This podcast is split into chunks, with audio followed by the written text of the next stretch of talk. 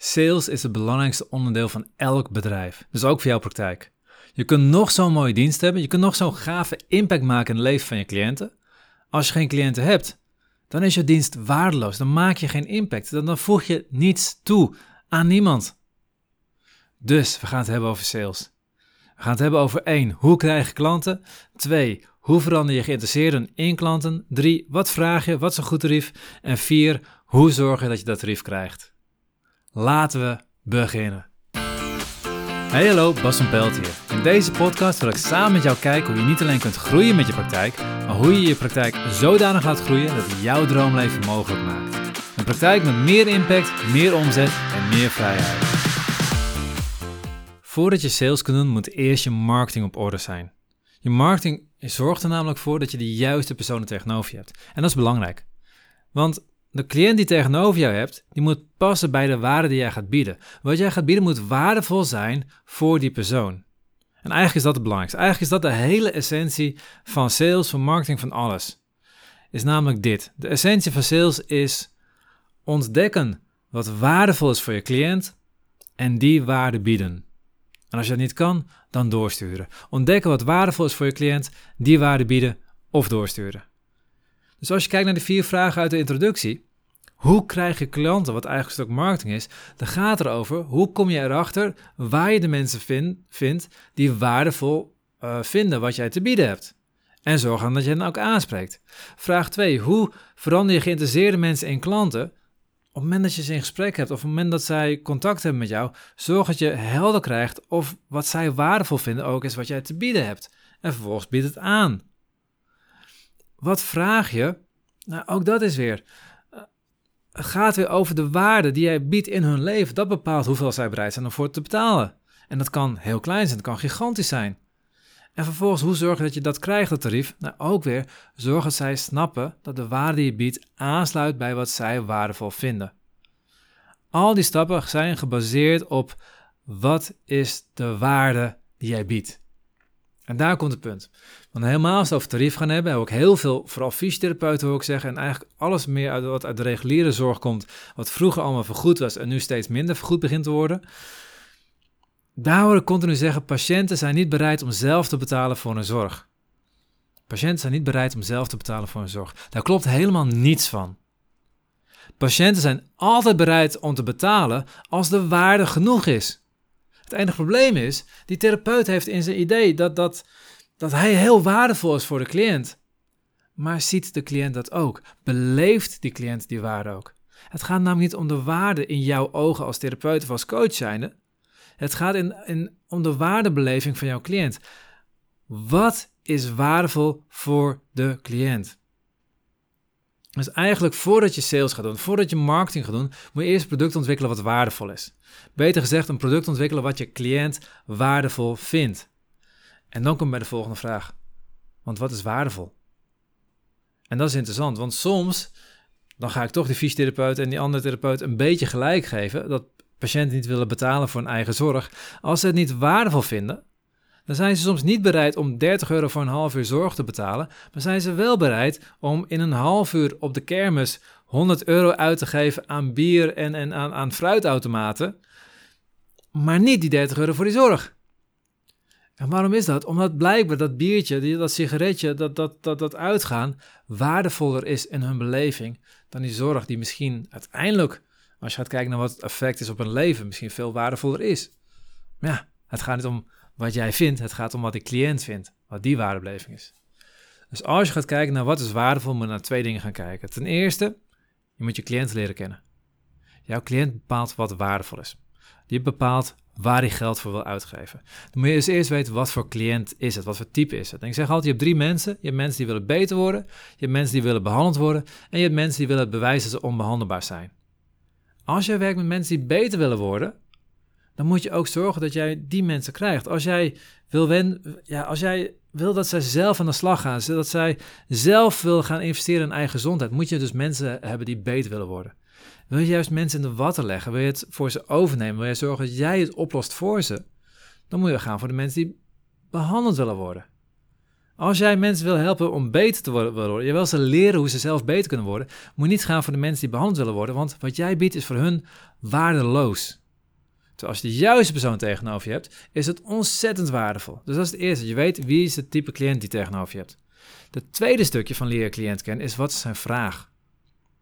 Heel simpel. Als mijn vraag is, ik heb last van rugklachten, dan vind ik een training over stress totaal niet relevant. Is misschien wat ik nodig heb, maar is niet mijn vraag. Daar kom ik niet voor. Ik kom voor mijn rugklachten.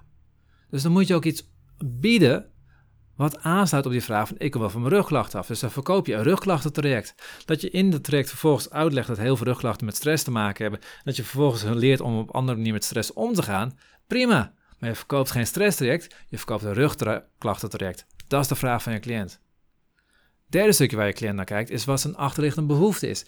Jij wil je cliënt leren kennen, jij wil weten waar hij echt blij van wordt. Wat is waardevol voor hem? Dan zeg ik het eigenlijk al, hè? wat is waardevol voor hem? Waar heeft hij de meeste emotie bij? Van je rugklachten afkomen, prima. Dat, dat, dat is op zich wel waardevol. Maar van je rugklachten afkomen, zodat je weer kunt fietsen, zodat je weer um, lekker kunt leven, zodat je allemaal gave dingen in je leven weer kunt doen, is nog veel waardevoller. Dus hoe meer jij weet waar je cliënt echt naartoe wil, hoe waardevol jouw traject kan worden in de ogen van je cliënt. Als jouw cliënt alleen maar weer achter de geraniums wil zitten, ja, dat heeft een bepaalde waarde voor de cliënt. Als je daarentegen jouw cliënt um, wil ja, weer mee kunnen doen aan marathons, zo'n traject heeft misschien een heel andere waarde. Maar dan ga je ook iets anders bieden in het traject ook. En het vierde punt van leer cliënt kennen is het probleem wat je cliënt heeft. Waarom is hij nog niet bij zijn ideaal? Wat heeft hij nodig om zijn vraag beantwoord te krijgen, om bij zijn behoefte te komen, bij zijn ideaalplaatje te komen? Op het moment dat je dat probleem kan oplossen, dan heb je waardevol, een waardevol traject. Heel simpel gezegd, wat is een waardevol product? Op het moment dat jij jouw cliënt bij zijn ideaalplaatje kan krijgen, door de problemen die hem uh, tegenhouden om daar te komen op te lossen, heb je een waardevol product. Los je het probleem op, zodat het bij zijn ideaal komt, heb je een waardevol product. En acupunctuur, wat ik doe, is niet waardevol. Coaching, wat ik doe, is niet waardevol. Fysiotherapie is niet waardevol. Um, is niet waardevol. Oefentherapie, haptonomie, NLP, EFT is niet waardevol. Zorg dat je cliënt bij zijn ideaal komen door zijn probleem op te lossen. Dat is waardevol. Op het moment dat je dat weet, kan je cliënt daarop aanspreken. Er zit nog een stukje bij. Want we hebben nog steeds over wat nou echt waardevol is. Ik zeg het al een klein beetje, maar wat een heel belangrijk punt is. De waardebeleving in je cliënt, wat heel veel therapeuten en coaches niet doen. Die zit namelijk, de waardebeleving zit namelijk niet in, in wat je doet. Dat zeg ik net al, fysiotherapie is niet waardevol. Um, maar het, nog, het, gaat nog een stukje verder.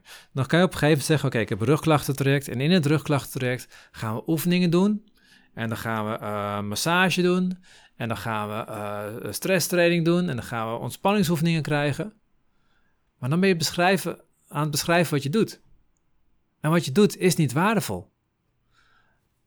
Simpel gezegd. En dit is een, een sales uh, tekst die ik ooit geleerd heb van Brian Tracy. En ik, ik vind het echt nog steeds de beste tekst ooit. En elke keer als ik een salespagina maak, als ik een informatieve pagina maak, als ik een flyer maak, als ik een podcast schrijf, wat dan ook, denk ik altijd weer van oké, je verkoopt niet de benefits, of sorry, je verkoopt de benefits, niet de features. Je verkoopt niet de features, je verkoopt de benefits. En wat zijn de features? Dat zijn de eigenschappen van je traject. Dus een eigenschap is dat in dat traject zit een stukje massage. Er zit een stukje, um, ja, weet ik veel wat er allemaal in zit. Massage, ontspanningsoefeningen, training, ja, dat is allemaal heel leuk, maar dat is niet de waarde die het oplevert. De waarde die het oplevert is dat mensen van een rugklacht af zijn, dat een vraag beantwoord wordt, dat ze bij een ideaal komen, hun behoefte vervuld wordt en dat ze van een probleem afkomen. Dat is wat het waardevol maakt. Je verkoopt nooit de feiten, je verkoopt een gevoel. En dat is het. En hoe groter het gevoel wat je kunt creëren, dus hoe meer gaat zitten op het echte resultaat. En niet alleen de feiten van het resultaat, maar vooral hoe mensen het resultaat gaan beleven, hoe groter die waarde gaat worden en hoe meer je dus eigenlijk ook kunt vragen. Zo simpel is het. Dus de eerstvolgende keer dat jij gaat zeggen: patiënten willen niet betalen voor een zorg, dan op het moment dat jij zorg probeert te verkopen, ben ik het helemaal met je eens. Op het moment dat jij een resultaat gaat verkopen, dan ga je merken dat ze ontzettend bereid zijn om te betalen voor hun resultaat. Niet voor een zorg, niet voor wat je biedt, Niet voor wat je doet, maar wel voor wat het hen oplevert. En vooral voor hoe dat resultaat van hen gaat voelen in hun leven. Dat is wat je verkoopt. Dus heel kort, hoe doe je sales? Ja, simpel. Start met ken je ideale cliënt. Zorg dat je marketing klopt. Zorg dat je alleen de juiste mensen tegenover je hebt zitten. Ga op zoek naar wat waardevol is voor je cliënt. Dus weet wat is een vraag, wat is een behoefte, wat is een probleem. En vervolgens, als je weet wat echt waardevol voor je cliënt is, waar hij enthousiast van wordt, waar zijn ogen van gaan schitteren, en je kunt dat aanbieden, bied hem dat aan. En dan hoeft je cliënt alleen nog maar ja te zeggen. En op het moment dat jij echt die waarde biedt, en hoe sterker dat gevoel ook is bij die waarde, kan je elke keer die vragen wat je wilt. Want als je waarde biedt, kun je waarde ontvangen. Maar als je probeert te verkopen wat je doet, ga je nooit waarde ontvangen. Dat is de hele basis van sales. En ik kan nog over veel meer dingen hebben. We hebben het nog niet eens gehad over, uh, over een front-end en een back-end systeem. Over upsells, over cross-sells, over downsells, over hot-button, hot-button close. Over de uh, consulting close, over de geldmindset, over onderhandelingstechnieken. Er zijn nog veel meer dingen waar we het over gaan hebben. De komende tijd gaan die dingen allemaal langskomen in de podcast die we doen. Dus als je deze podcast waardevol vindt, als je hem leuk vindt, zorg even dat je abonneert in Spotify, in Google Podcast, in iTunes. Net de manier waarop jij het favoriete, uh, uh, de favoriete app die jij gebruikt om te volgen.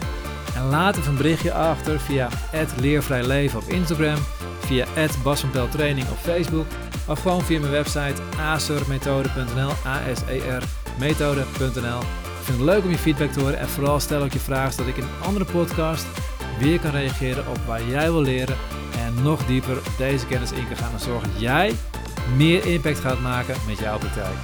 Tot de volgende keer!